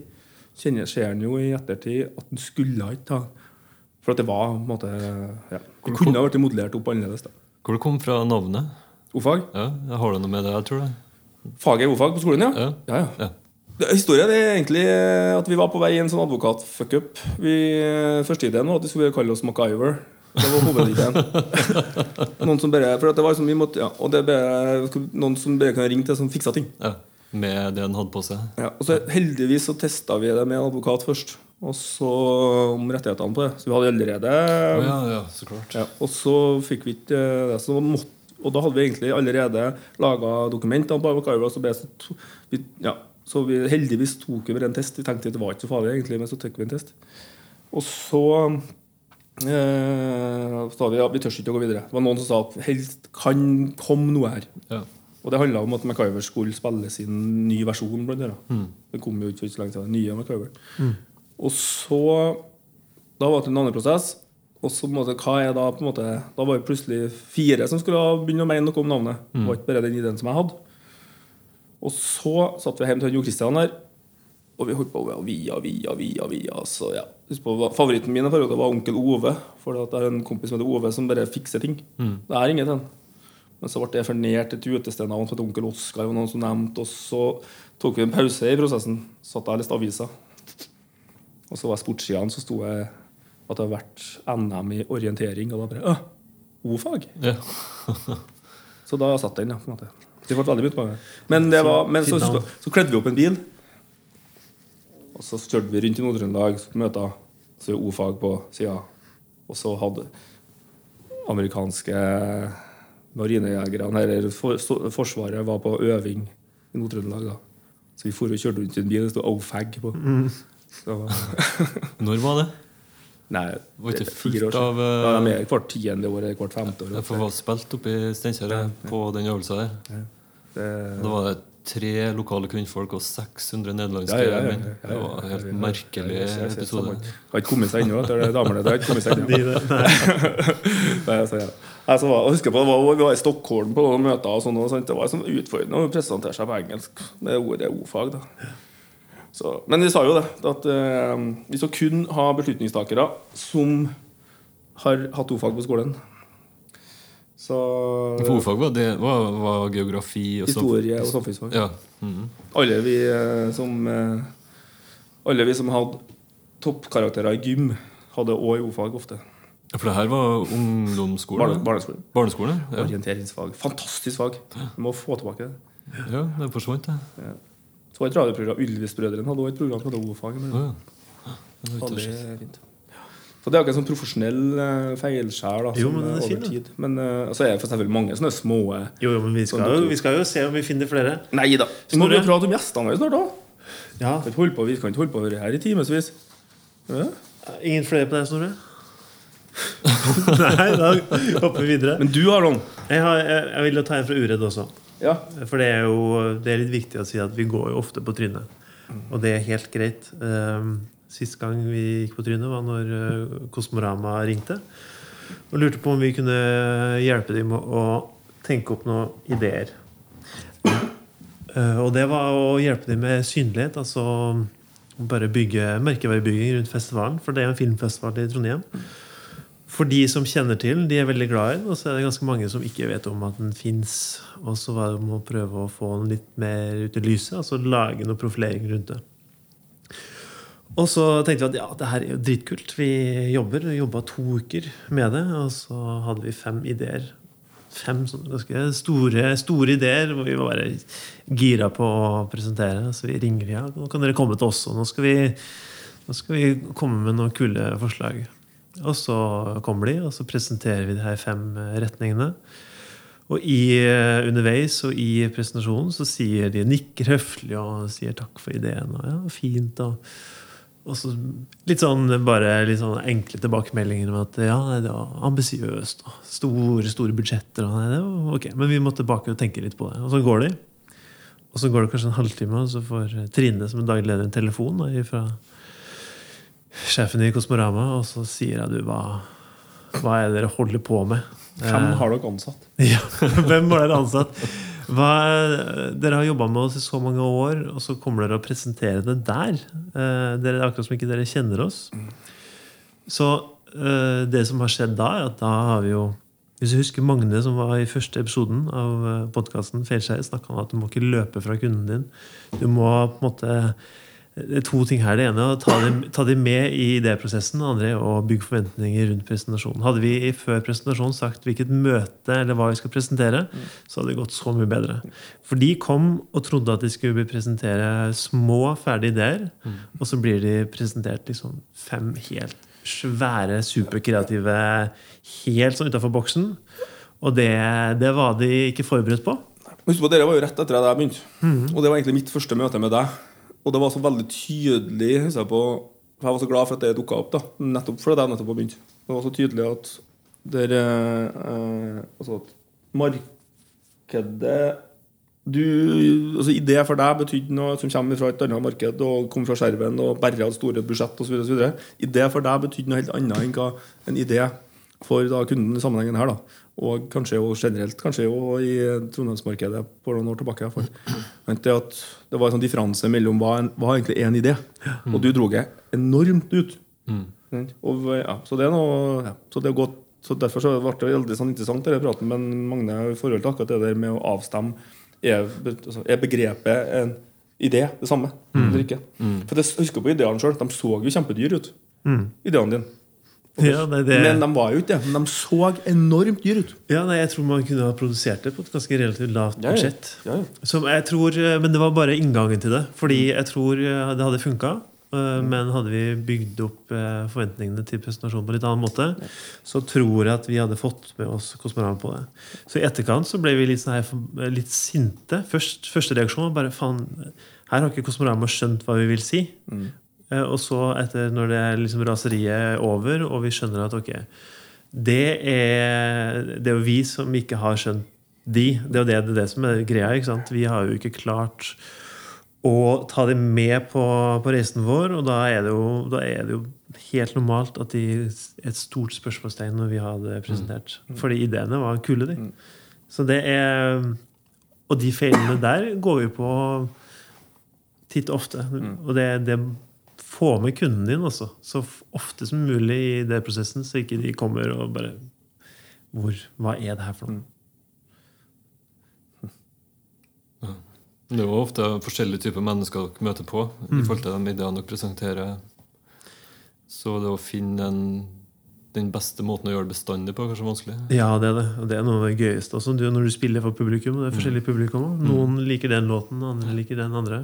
Så det er jo det å finne Så, så det er veldig mye sånn eh, Det er mye kjemi, altså. Du må kunne avstemme med kunden og skjønne behovene ganske kjapt. Men er vi kommet i mål da, eller? Har vi fått uh... Vi kan jo ha en vinter-julespesial òg. Ja, det er jo et halvt år til. det. Vi rekker jo å lage noe vi må frokost. noen til det. Vi har bestemt oss for å fortsette utover høsten. Vet jeg. Jo, vet du hva. Vi har spilt inn ganske mange nå. Vi har, uh, vi har jo noen kule gjester som kommer. Så vi har jo Det er litt kult, da. Vi har jo både Rasmus Rode og Egil Hegerberg og Erik Solheim. De har jo takka ja til å være med på det her. Mm. Så, det, så de dukker opp i august. Så det blir kjempe Kult. Ja, det blir kjempegøy. Ja, gøy. Gleder meg til det. Men uh, har dere noen tanker rundt de gjestene som har vært? Har dere noen favorittepisoder? Er det Altså, det er sånn interessant og synes jeg, for at vi har hatt tre helt forskjellige roller her. Mm. Altså, en lydtekniker som, ty, som jeg trodde hadde hørt på, som var som flua på veggen. så det var som flua på veggen med lydteknikeren, som har bearbeida etterpå. Og så har vi da du som har forberedt alt sammen. Og vi har jo Ja, du har jo fått en sånn rolleavfordeling om at jeg bare dukker opp. Ja, fordi det, det har vi lært, at uh, lunsj skal ikke ha manus. Nei, da blir jeg jo livredd. da sier han ingenting. La- husker livepodkasten. Torde ikke å si noe, for da hadde vi forberedt oss så mye på hva vi skulle. Og så redd for å forstyrre deg. Ja, nei, vet du hva, Det er fint det at du bare hopper inn. Og det er litt, det er litt sånn dynamikken. At én en googler, og så kan du bare få lov til å skjøve innpå med innfall. Etterpå med sånn prat og for at vi har nå begynt å fått en del henvendelser på livepodkaster og på å være med på arrangement og sånn Ja. utover høsten. Ja, det er kjempegøy. Det er ganske gøy. altså Så vi må finne, finne ut hva vi skal gjøre med det videre. Nei, men eh, gjestene, ja. Hvor mange har vi hatt, sa vi? Vi har hatt eh, ja, 19, eh, 19 gjester hittil. Som er publisert? Ja. Riktig. Er det noen dere har lyst til å trekke frem? Jeg syns alle har liksom fått levd sitt eget sånn, Fått en sånn rolle i hele greia. da Jeg synes det er fint, for de er ganske forskjellige. Ja. Eh, Noen syns jeg er veldig underholdende, Mm. og andre er utrolig interessante. Så det er litt sånn de to eh, retningene vi på en måte har hatt da, så langt. Eh, Jeg blir sånn overraska noen ganger om hvem vi har fått gode tilbakemeldinger fra. Og så er det noen vi har fått sånn enormt gode tilbakemeldinger fra for noen. Mens det er da noen andre som har mislikt den episoden igjen. Ja. ja, men det er jo fine tilbakemeldinger, begge deler. Helt fantastisk. Terningkast 1 og terningkast 6 er det beste. Ja, det, er... Så er det eh, noen ganger vært da, terning, begge de to terningene på samme episoden. Ja. Så, men jeg syns Nei, jeg må huske på når jeg hørte gjennom eh, den Jale Hagen sin. Den satte jeg jo flira av liksom, jeg hørte den selv, Liksom. Den, var- den der herlige latteren han hadde hele veien. også. Det var, så var så konkret, denne casen. òg. Det, det var jo, vi, det var jo fjerde episoden, virker det som. Vi var jo litt sånn ferske, vi òg. Jeg likte godt hun Hege Birman som kommer opp med en liste. Hun bare har en liste over feilskjær, kuriositeter og ting hun har lært. Og bare det å gjøre denne housekeepinga i sitt eget liv, og så gi oss det materiellet, det var, det var, var fint. Og så ser jeg jo det at eh, det er jo egentlig portrettintervju holder på med.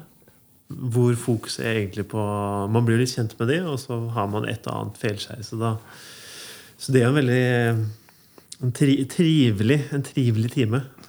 Ispedd også det er ganske artig. Altså, vi googler jo, eh, men Google eh, husker jo så langt tilbake. Mm. Og det gjør ikke bestandig den gjesten vi har. Nei. Det gjør det hele litt spennende. syns jeg. Nei, men kan jeg, se det på noe. Jeg husker på det var en sånn endring i kurs for meg for hva det gjelder Aksel Tjora. For at fram til da så hadde det vært litt sånn halv, halv- og helkonkretete caser. Fra Magne, Katrine, Ståle, Jale Morten. Jeg var ikke med på den Morten. Men det var sånn konkrete ting. Og så plutselig ble det veldig sånn lite konkret. Som bare ble en samtale. Og det var liksom, ble en liksom endring i formen, tror jeg. Og At vi begynte å kunne ha betrakt mer hva vi snakka om, enn hva selve For Vi fikk jo liksom tilbakemeldinger i starten og at, at folk ønska at det skulle være mer konkrete, svære fuckups. Men det, ble, det tror jeg det var som Aksel Tjora Da hadde det begynt å ta en litt annen retning i forhold til Så jeg likte den episoden veldig godt. Ja, altså Den er veldig populær. Det er veldig mange som har hørt på den med Aksel Tjora. Og det er jo, som du sier, betraktninger. Han er jo eh, sosiolog og har jo litt eh, Har jo noen fine tanker om samspillet mellom folk. Og prestasjon og hva som skjer når du liksom kommer der utenforskapet. Og det er jo Nei, det var en fin, fin samtale. Og så har du jo Tony Jacobsen, som var ekstremt underholdende og fin fyr. Han ble jeg veldig fascinert av. For at han, han er jo en fyr som bare bestemte seg for å bli god på kaffe. Og så blir han liksom jævlig god på kaffe. Og så har han en sånn så sterk identitet også. Eller, så hans produkt er jo han selv, på en måte. Og det er altså han Null skam i å bare Nei, drakk og var full og skulle lage kaffe og begynte å brenne. Og måtte ha hjelp av en eller annen fyr som dro, dro inn fra gata. Og, og fine, fine historier. Jeg ser det jo Dagfinn fra han innovasjonslederen på NTNU. Det med stagnasjon også er viktig. Den har jeg fått veldig mye tilbakemeldinger på. Jeg tror veldig mange er nysgjerrig på den um, rollen som han hadde i uh, ja. Skal jeg snakke i mikrofon? Så da snakker jeg bort den. Det det ikke folk ser, er at noen ganger så må vi peke på mikrofonen. For at han Lunsj han, eh, han har ikke skjønt ennå om at lyden blir best når du prater i mikrofonen og ikke utafor. Var ikke det en episode jeg måtte mygges opp i? Ja. Men da brukte vi ikke myggen, for da satt du i mikrofonen hele Eh, tiden. Så ja, jo. ja for det var, det var så nysgjerrig tror jeg, på den rollen innovasjonsleder på NTNU. Hva betydde det? Så det har jeg fått veldig mye tilbakemeldinger på fra, eh, fra innovasjonsmiljøene som jeg kjenner til. Ja. Som, for det, var, det er mange som er nysgjerrig på dem. Så var enkelte sa at vi burde ha en egen episode med alle innovasjonslederne, eller kun om innovasjon. For vi ser jo at mange her har, har blitt veldig sånn gründeraktige episodene. da. Uh, ja. Sigrid Bonde Tusvik syns jeg var morsomt. Hun er en kul dame. Ja, hun var veldig sånn, eh, veldig sånn fascinerende menneske. Ja. Jeg har hørt folk, folk sagt før at hun, når hun gikk på skole og var ung, også, så hadde hun sånn veldig integritet. Og det var, fikk hun, vært- ja, hun, var, hun, var, hun var så bra som jeg trodde. Ja. Eller, jeg vet ikke hva jeg trodde, men hun var bra. Bra dame.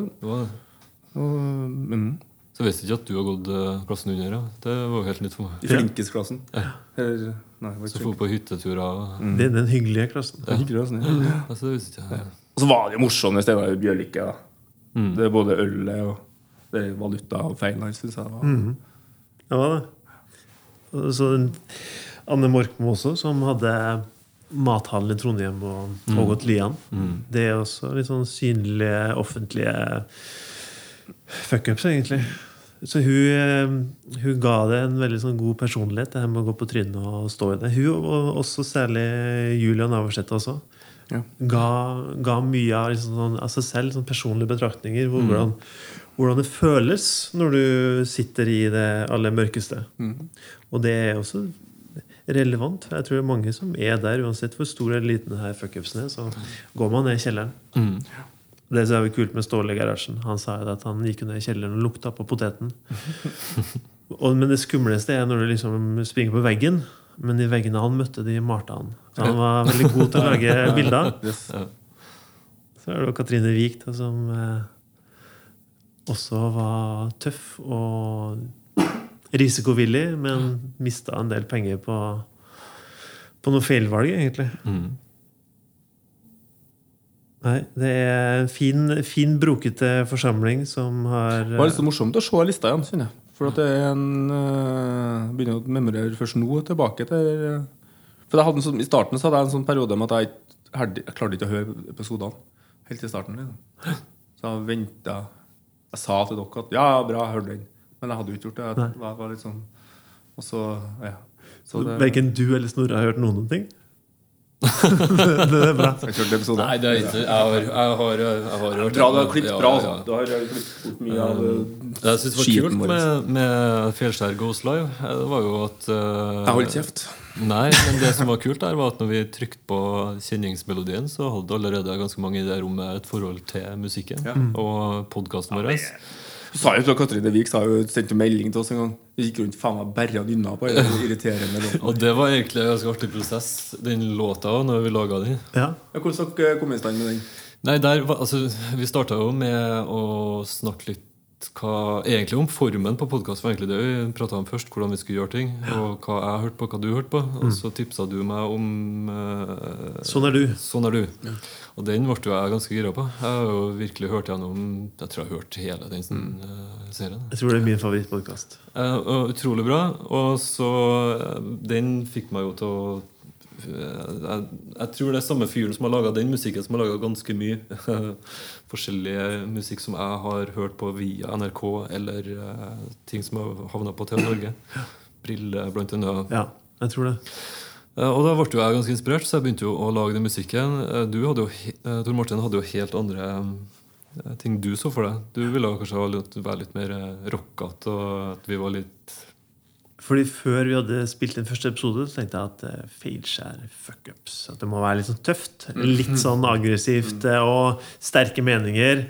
Det her, det her blir en hard halvtime. Yes. Bare nå skal Så det blitt en sånn mjuk fysikertime i stedet. ja, Vi, så, vi merka jo det etter første gang med Magne Gisvold at det bare Ja, velkommen til pod podkasten Feilskjær. Det var jo ikke noe hardt eller mørkt eller brutalt i det hele tatt. Nei, jeg fikk ikke det der til å stemme i prosessen før. eh, At vi skulle Så jeg holdt jo egentlig på ideen min. Mm -hmm. Og den var jo litt sånn eh, lett og litt sånn mer boblete og Ja. Så det, til slutt så fant de liksom formen, for det var jo noe med første episoden. Og grunnen til at vi tok Magne Isvold, er for at vi var jævlig usikre på hva vi holdt på med. Vi trengte jo noen som vi kunne være trygge med. Ja. Og han, han bare Ja, nei, det Så han ble med, og han av oss er det han som er journalist. Ja. Så vi kunne jo på en måte teste litt eh, bare form og farge på han, egentlig. Så det var veldig, veldig fint da, å kunne starte med noen som ikke var så skummel. Altså det som gjelder jo egentlig nesten alle som har Det er så fint tilbakemeldingene som vi har fått fra folk, og det er jo ja-mennesker, alt sammen, som en, Og jeg oppfatter ikke noen av dem som er som har, som har stort sånn eksponeringsbehov for seg sjøl, men de syns det er så viktig tematikk Ja. at de Ja, dette vil jeg være med på, fordi at det er viktig tematikk. Og så byr på seg sjøl, da. måte. Ja. Så det er en eh, For det som hvorfor skal det her eh, både Egil Hegerberg og ja, Erik Solheim som tar kjendisene og Sigrid og Hvorfor skal de liksom, oppsøke eller bruke tida si på det her når de eh, ikke bor her engang til vanlig? Men det var for Tematikken er så viktig, og det samme gjelder jo alle. Mm, De, eh, ja, Morten Hegseth men alle de som vi har For vi har jo fått tak i en bukett av fantastiske mennesker lokalt ved Trondheim her. Mm. og Steinkjer og diverse sånn, som gjør at ja, Og det handler om at folk vil prate, syns tematikken er viktig. Og så ja. Det er jo kjempekult, for da har vi truffet en nerve. da Noe som folk eh, har lyst til å dele, men også høre på. Jeg tror Det det er her, jeg syns fortsatt at det er viktig å velge med. Syns vi sjøl det er viktig å velge med. Det er helt klart. klart. Bra. Det, det var jeg- et kort svar, men eh, jeg, har, jeg kan koble det her også til mental helse. Altså det å kunne Fordi hvis du ikke klarer å prate om de gangene hvor du går på trynet, og må kun bære deg alene, så tror jeg det blir tungt å komme oss ut av det. Og det med å Litt sånn som Hvem som sa det? Jeg lurer på om det var Jeg lurer på om det var Rasmus Rode som sa det at uh, han har jo en sønn, tror jeg, som kanskje var rundt 19 år. Og det å kunne si til han Altså, det å gå på trynet er helt ok, det. Det er viktig at når du først havner på trynet, at du finner noen å prate med, og at du er trygg på det, og at det er ikke noen undergang. Og det å liksom normalisere det, jeg tror det er det vi holder litt på med. da Å få folk til å Åh, det var deilig å prate om. Og så er det ikke så farlig likevel. Hva gjør det egentlig? Og det å prøve å liksom slå i stykker den skammen også. Hvorfor skal han drive og skamme seg så jævlig? Fordi sånn som det med det er o-fag, som du føler liksom litt uforløst. Men det må være litt godt å bare få få, liksom, få det ut og letta litt på trykket? Men jeg, bare sånn, jeg vet ikke, jeg hadde egentlig ikke tenkt å si noe med det, men det forhold til psykisk helse for det, det er en av grunnene til at jeg syns dette er viktig. For det var jo ja, øh, 2000, er gjerne, så ja, 20 år siden snart så mista jeg jo min mor i selvmord. Og etter det så bygde jeg opp en organisasjon som heter Leve. Og her, ti år etterpå men Rett etterpå så var vi jo organisasjonen Leve, men ti år etterpå så fikk vi ja, det var snart ti år siden. Åtte, åtte år siden nå, ja, åtte så fikk vi fart på en organisasjon som heter Unge Leve. Som var kun for ungdommer. Under 30, under, ja, vi definerte vel seg 30. Så jeg satte i gang den organisasjonen. Og det var ganske sånn høyt spill. da, for da skal han begynne å, Og det handler om akkurat det her. Mm. For det å miste noen i selvmord, det er noen s-er inni her som alle Du har mistet noen alle, men det er en s-er inni den selvmordsmestring. Det er skyldfølelse, og det er skammen. Men det er spesielt det med skammen. Mm. Og det har vært tabu, tabu. Så det har vi jobba kun med åpenhet. Mm. Fordi at åpenhet rundt det er og forebyggende. Mm. Men det er ikke det viktigste at det er forebyggende. Det viktigste er at det er bra for deg som etterlatt. At du får møtt noen andre som har opplevd det samme, og får prate om mm. skammen. Mm. Mm. Og slipper å forsvare deg, og slipper å si at det bare det er pill råttent. Jeg syns det er flaut. Jeg syns det er skamfullt at jeg har en familiemedlem som har hatt livet av seg. Mm. At noen får lov til å si det høyt.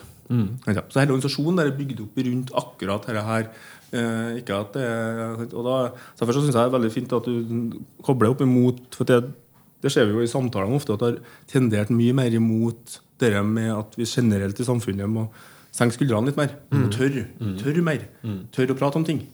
Og tørre å si at det er jo ikke faen meg så farlig. Og det syns jeg er interessant i forhold til mange av dem som vi prata med òg. Det er noen som identifiserer feilskjærene sine, men det er mange som ikke identifiserer dem. Mm det er en del av livet, en del av prosessen, som du også er nå. Mm. Gaute, jeg, Gaute, Snorre, i forhold til med at jeg har, ja, det har vært en del av det. Og det er jo mange av oss da, og mange her da, som det, er en del av noe. Mm. Så, så, Jeg var litt overraska når Tony blant annet, når han skulle sette i gang, så henvendte han seg til meg og sa ja, hvor jeg skal begynne Så Spør jeg, Hva? For han har ikke identifisert feilskjærene sine egentlig før han begynte å tenke på dem. Ja. Han, også, sånn, sånn. Men så er det er ikke noen sånn super-fuckups. Som, eh, ja. Så det er jo kanskje du har litt sånn leit etter da, noen som har lyst til noen som er sånn. Kan hende at jeg òg er sånn. Ja, ja. jeg, tror jeg var litt sånn. Og det. Derfor er det litt sånn vanskelig å prate om noen ganger, fordi at det kan være andre mennesker som har mm. opplevd mine mm. fuckups og feilskjær. Mm. Ja. Både, både, på privat og på um, profesjonelt. Mm. Men jeg har identifisert det som det bestandig. Så gjerne kom, send meg en melding, og folk, hvis det er noen som sier no, nå har du glemt den feien der. Mm. Fordi at uh, jeg har glemt dem. Eller jeg har, for jeg har på en måte blitt en del av noe. Da, ja. Jeg har ikke mange sånne feil sjøl som holder meg våken på natta. har noen. Ja. Men, uh, Men jeg tenker jo at Feilskjær er det som gjør at man husker, ja. uh, og at man kanskje kan gjøre det bedre eller unngå. Eh, så derfor, jeg tenker også sånne kreative prosesser som vi har. Altså, du hadde jo Kosmorama. Men jeg, altså, mine kunder er jo ofte eh, deg. skal du si. Og Da er jo ideen på en måte solgt inn, men da skal man løse eh, det kunden vil ha. Og inni der er det jo masse ja, At man gjør feilskjær, gjør feile ting. Jeg kan ha trua på en ting. Så viste det seg at det var, det var ikke bestillinga, eller sånne ting. Mm. Det her blir jo en lang episode, men det er for at ingen av oss har fått prata på 19 episoder. Ja. vi har jo bare sittet og holdt kjeft. vi, vi, har jo så mye å prate om. vi må begynne å prate mer i dag. Det er jo første gangen vi prater. Dere har jo følelser, jo. Ja. Enn du? Har du? Ja, jeg har noen. Jeg har noen. Har noen. Men jeg har um, jeg, jeg, ser eh, Det er også det her faglige tilsnittet som jeg liker Men. Jeg er veldig nysgjerrig på folk. Mm. Eh, jeg syns det er spennende at de kommer og prater om at de gikk på trynet. Litt fordi at det er gøy å høre på. Det er underholdende. Og så liker jeg å se at eh, folk har et sånt følelsesregister på innsida. Altså det er det som er grunnen til at jeg digger den her 'Sånn er du'. Mm. Fordi at det avkler folk. da at, mm. Og særlig kjente folk som du får bygd et bilde av i media når det viser seg at de også er introverte og liker seg best alene, f.eks. Eller har dager hvor som er blåmandager. Og, og det, det, er fint, det. For da tenker du at da er man selv ikke så unormal når du har de samme følelsene. Så det er, det er fint med alt som kan være med å bygge åpenhet og normalisere ting som du tenker at det er litt uh, merkelig og rart. Jeg syns de er flink til å bruke seg sjøl uh, i den podkasten. Ja. Altså, for de sier ofte du er jo også sånn, Harald, at også, ja. Ja, de er kjempe, ja. kjempeflinke. For det kjører jeg med den eh, store personlighetstesten. Det er Big Five. eller hva heter det? Ja. Ja, Og gjør den mer enkel å forstå, på en måte. Flink, eh, flink. altså. ja eh, har vi, har vi runda det vi ønsker å si nå? Er Har dere noe på hjertet? Men så profesjonelt sett, da. Hvordan, eh, hvordan, angrip, hvordan bruker vi temaet? For at det er jo et av det er sånn Jeg syns vi har tappa inn på det ganske mange ganger i samtaler òg, men vi må passe på jeg tror vi må passe på så spesielt alle, alle yrkene og alle fagene, men kanskje spesielt da, eh, yrket som kreatører og kommunikasjonsfolk. Da. Vi, må, vi må tørre å utfordre på en måte faget og idé. Og for at hvis vi blir da eh, Hvis vi bare skal altså, Hvis vi blir vel, kun opptatt på å levere korrekt og riktig til en kravspekk som er definert av noen, og ikke tolke kravspekken for å komme med, altså heller komme med noen ideer. Som også, men da må man være trygg på mottakeren. Sånn som du, sånn som du bomma på. Kosmonaut. Dere var ikke trygge på mottaker av budskapet ditt. Var, dere var ikke trygg på hverandre. Sånn, så, det, ja, så jeg tror det er viktig.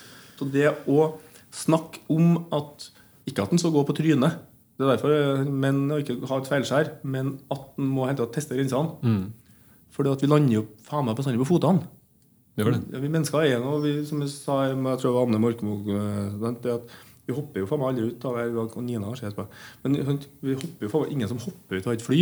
Jeg kjenner fra selvmords... Etterlatt etter selvmord, da. Men bransjen der. Men, men, men vi skulle lyst til å leve. Ja. Vi hopper ikke ut av et fly uten en fallskjerm. Og sånn gjelder det òg med ideer. Sånn gjelder det med alt vi holder på med. Det at vi må tørre å bestemme oss for at vi skal hoppe ut av flyet. Men hva er det som skal til for at vi nærmer fotene? Og Det gjelder også ideene. Det gjelder, altså egentlig, jævla, vi må trygge på Vi, må, vi mennesker må være trygge på at vi, at vi har lyst Vi har lyst til å få det til bra. Mm. Og da kan vi starte i den enden med å? Og så er det forskjellige tilnærminger. Lå det et spørsmål her, eller var det bare Nei. oppsummering? Jeg er ikke så god til å si spørsmål. du. Lå jeg stille deg Skal lå det et spørsmål her? Ja, men jeg tror det starta som et spørsmål, men jeg tror jeg svarte det selv. Svarte jeg, jo. Men jeg, jeg sier meg enig. Jeg kommer nok til å levere ting som vil provosere Kosmorama neste år også. Og det er fordi at vi Du må det. Ja, vi må det. Hvorfor i all verden skal Kosmorama eller andre gå, komme til et byrå da?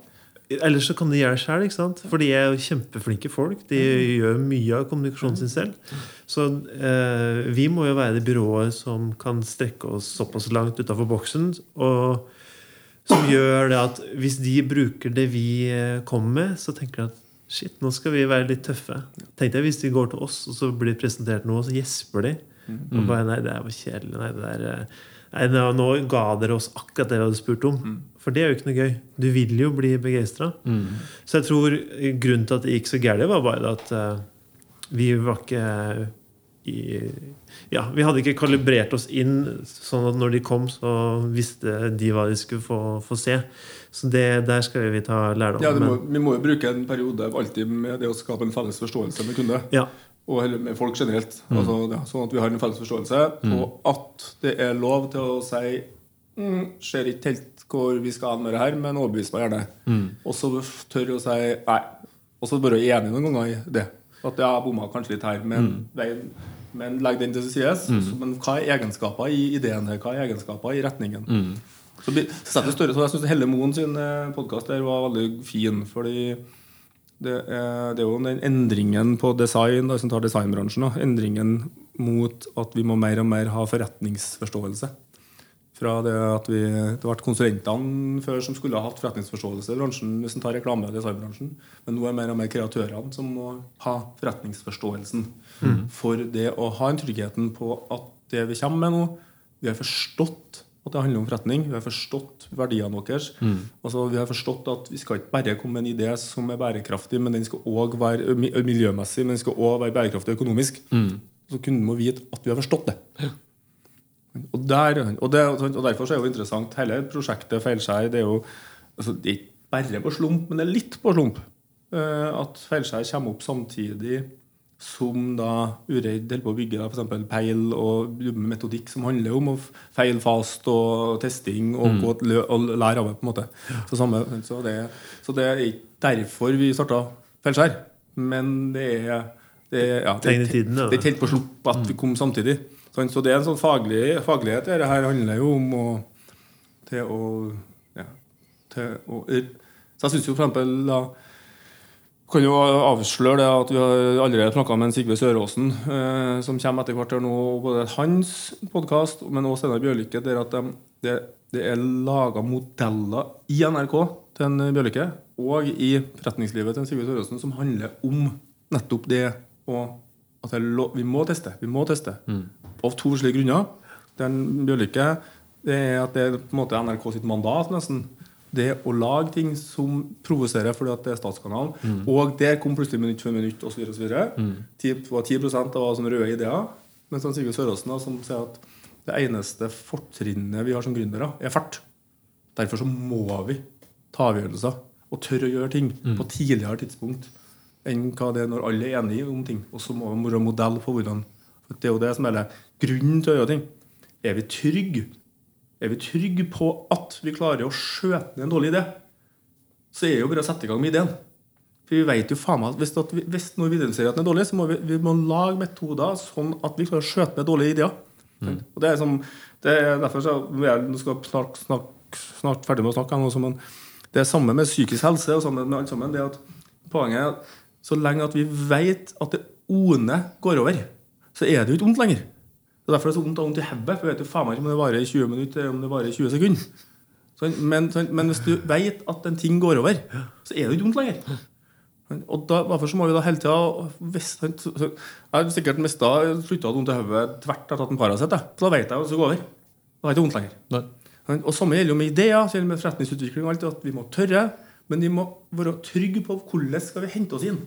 Det ondeste som, som alle sammen snakka om, og det ondeste som finnes, nesten, det er at du må forsvare en dårlig retning. Og så ser du ettertid. da. Men teste. Ha modeller for hvordan du skal komme deg å teste det, for å få verifisert noe. Og så modellen på hvordan skal vi hente oss inn igjen. Da er det ikke noe farlig lenger. Og at man er åpen om feilskjærene sine. Ja. Sånn at uh, man trenger, altså ikke jeg trenger å gå i samme fella som du gikk i. eh, For du har jo lærdom om det. Ja. Så det er noe med, så hvis, hvis, hvis her, her er med som en promille Hvis at det- Feilskjærpodkasten har en, en, altså en promille betydning i at språket rundt styresrom, forret, forretningslivet osv. Og alt i livet egentlig endrer seg til at folk sier 'det tror jeg ikke går', til at de sier 'la oss prøve det'. Fordi at det kan være at det ikke går, men la oss prøve. Og så tar det da, må vi vite hvordan skal vi hente oss inn igjen. Da Da begynner vi å få fart. på en måte på, ja. Så Hvis podkasten har bare én bitte liten stemme i at vi endrer ordet, setningen 'jeg tror ikke det går', til 'la oss prøve', så har det vært en suksess. Da har vi kommet til den delen hvor vi har en avskjedsgave. Altså hva er det som har eh, gjort dere glad de siste syv dagene? Så da kan jeg jo spørre deg, Snorre. Ja. Hva er det i siste tida som har gjort livet ditt litt enklere? Jeg har to ting. Ja. Det ene som gjør meg glad, er jo dattera på snart tre. Vi har vært i eh, Lilleputthammer, og vi har vært i Hundrefossen. Og bare se at hun er så mye tøffere enn jeg noen gang har vært. Eh, hun hiver seg i eh, alt med fart og spenning og bare flirer og koser seg. Det er artig. Og den andre tingen er at jeg har kjøpt meg noe nytt. Eh, jeg har kjøpt meg elsparkesykkel. Ja. Og den friheten er jo helt eh, utrolig. Eh, så jeg drar og kjører overalt. Småstier rundt. Jeg har vært, jeg har kjørt uh, småstier attmed Nidelva, som jeg har aldri vært. Helt utrolig fine plasser. Eh, ja, så jeg koser meg. Fine, fine øyeblikk. Og du, Lars? Dette er jo fuck-upen min hver uke. Jeg har jo aldri, glemmer jo aldri Jeg tenker jo aldri glemmer jo å tenke på hva jeg skal svare på når du spør meg om det spørsmålet her. Så, men eh, det er eh, Jeg hadde en fin opplevelse, tror jeg, i går. Tror jeg var, kanskje det var, Men det er litt sånn, eh, litt sånn inn mot sommeren. Jeg er litt sånn short på penger for tida. Så jeg kjenner litt på farsfølelsen der. At jeg ikke kan liksom gi en sånn woo, ferieopplegg til min sønn. Men så gikk han ut i ferie siste barnehagedag for to dager siden. Og etter det så har jeg konsekvent omtalt alt vi gjør, som ferie. Vi skulle på bursdag med tremenningen hans, da, ungen søskenbarnet mitt. Ettårsdag en dag her, klokka fem. Og så ble det sånn, sovna han i bilen. Og vi vant ikke å spise middag, så jeg bare hadde med meg noen brødskiver i bilen. Og så stoppa vi på en sånn haug bunnrøya. Sånn utsiktene. Det ble sånn rasteplass der. Satt og spiste der. Så omtaler jeg det som ferie. Ja. Og så har han sjøl nå begynt å omtale alt vi gjør som ferie. Så det handler kanskje bare om språket. på en måte. Så vi får bare gjøre sånne små ting. Så det gjorde meg så glad at han kaller det sjøl ferie. For bare at vi er lag og gjør små ting. Det er fint, det. Det er jo de små tingene som er viktige. Ja, så må, Av økonomiske grunner og alt, så må vi bare gjøre det sånn i sommer. Så det var egentlig, egentlig veldig, veldig fint. Så det er kanskje heller du som føler på det. Og så er det en sånn litt sånn skamfull eh, glede. Det hadde jo halsbetennelse uh, for noen ikke så lenge siden, og jeg må bare jeg må slutte, gleden må jeg avslutte nå. For nå kan jeg ikke holde på meg lenger. Men jeg satt der opp på det femte-sjette dagen liksom, og var helt ferdig. Så lasta jeg ned et spill på mobilen som var gode, gamle Football Manager F5. Der jeg kom til semifinalen eh, med Brighton Nei, Crew Alexandra. Ja, Champions League-finalen. Nei, Champions League. Med en klubb som var bankrupt. Og den gleden av å trykke rundt på sånn football manager-spill som jeg holdt på helt ekstremt mye med når jeg var tenåring. Men er det gamle spillerne? Eller er det oppdatert? Nei, det var 2017-versjonen som jeg Ah, hadde. ok. Så Ja, det- så du satt ikke med Satt ikke med, 2001? satt ikke med Før FM het det jo CM. og Satt ikke med CM. eh, Sånn. Nei. nei. Så det var det, men det var en sånn gammel versjon som jeg fant og klarte å lure meg til å få, få tak i. Så når du sa du var syk av sengeliggende og, og orker ikke, så at du egentlig spilte, da?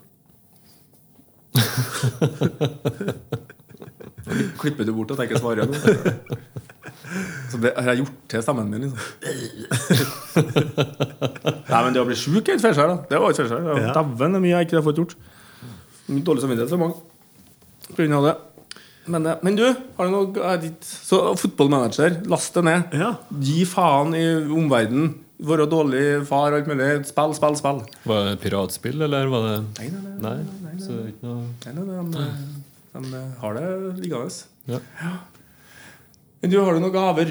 Noen gaver Jo, vet du hva? Eh, hvis det er litt regn den dagen du hører på episoden her, så kan du dra på Kompis, eh, ta takeaway-burger, så drar du hjem. Og så fyrer du opp Netflix, og så ser du Stranger Things 3. Det er stas, det. Åh, Har det kommet? Ja, det kom eh, 3. juli Nei, 5. juli. 6. juli. 4. juli. Ja. Uansett så er det en fantastisk kul serie, for det er sånn 80-tallsnostalgi. Så dere vil helt sikkert liksom eh, kjenne dere litt igjen i den tidskoloritten. Og så er det Kompisburgeren. Den er jævla god. Den Den er kjempefin. Så burger og åtte episoder med Strange Things, det burde du klare på én kveld hvis du går inn for det. Da må du slette FM-spillet først. da Ja, må slette det, så- Slutt det først. Ja. De Nei, men har du ikke sett noen av dem i lunsj? Nei, jeg har sett eh, begge sesongene. Sesong én kjempebra. Sesong to ok. Sesong tre skal visst være nesten like god som eneren. Men jeg er, redd for å satt, jeg er redd for å sette i gang med alle sånne serier som har mer enn hva to sesonger. For jeg går på Lost eller Prison Break-smellen, der han sitter og Ja, ja! Nei! Det, skjer, det blir jo ikke noe svar. Er det noen for, eh, fortsatt vet vi hva det var som egentlig skjedde på Lostøya, eller? Jeg tror de drømte og våkna opp. Det er, det er så enkelt som en Ja. stil fra fjerdeklassen. Ja. Ja, Så våknet jeg. ja. Super, super teit.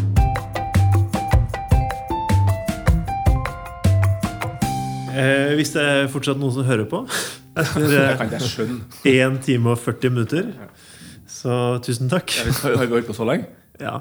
Kan ikke publisere alt det. Jo, det er jo sommer, sommerepisoden. Den kan være lang. Den lang og, lang og treg. Feilskjerm minutt for minutt. Eh, Snorre, takk for at du ville være med. Ja, takk. Og Lunsj, takk for at du også ville være med. Takk skal du ha for at du er skam, så lite skam som du har at du vil sette i gang det her. Totalt skamløs. Det er ikke noe skam for å sette i gang det her. Nei. Hva skjer nå? Nei, nettopp. Det var poenget. Det var akkurat det som var poenget. Ikke så smart, da. Neste gang eh, så skal vi faktisk prate med Gaute Busch. Det er jo bror din, det Snorre. Ja, det Han er en gammel punker som starta opp Uredd.